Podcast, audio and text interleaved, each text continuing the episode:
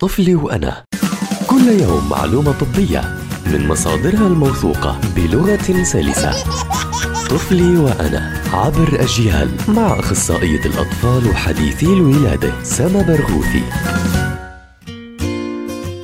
أهلا وسهلا بمستمعي ومستمعات أجيال عبر منصاتها المختلفة. أول ست أشهر من حياة الطفل الغذاء المثالي له هو حليب الأم. لكن بعد الست شهور ببطل الحليب يعطي الطفل كل الحاجات الغذائية اللي بيحتاجها جسمه وعقله للنمو. عشان هيك يفضل إدخال الطعام الصلب على نظام الطفل بين عمر أربعة لست شهور اعتمادا على الجهوزية عند الطفل. إذا كان رأسه ثابت إذا لما نسنده بجلس بثبات إذا بيحط الأشياء بتمه وبيبدي الرغبة لما يشوف الأكل أمامه. ممنوع نعطي الطفل أي طعام غير الحليب أقل من عمر أربع أشهر ولا يفضل التأخير عن ست شهور لأنه بصير الحليب ما بيعطيه حاجاته اللي بيحتاجها جسمه وعقله للنمو. كمان ممكن التأخير يؤدي لنفور الطفل من الأكل وعدم تقبله له بعدين. استنوني بحلقة جديدة من طفلي وأنا حتى نحكي عن أمور بتتعلق بصحة الطفل.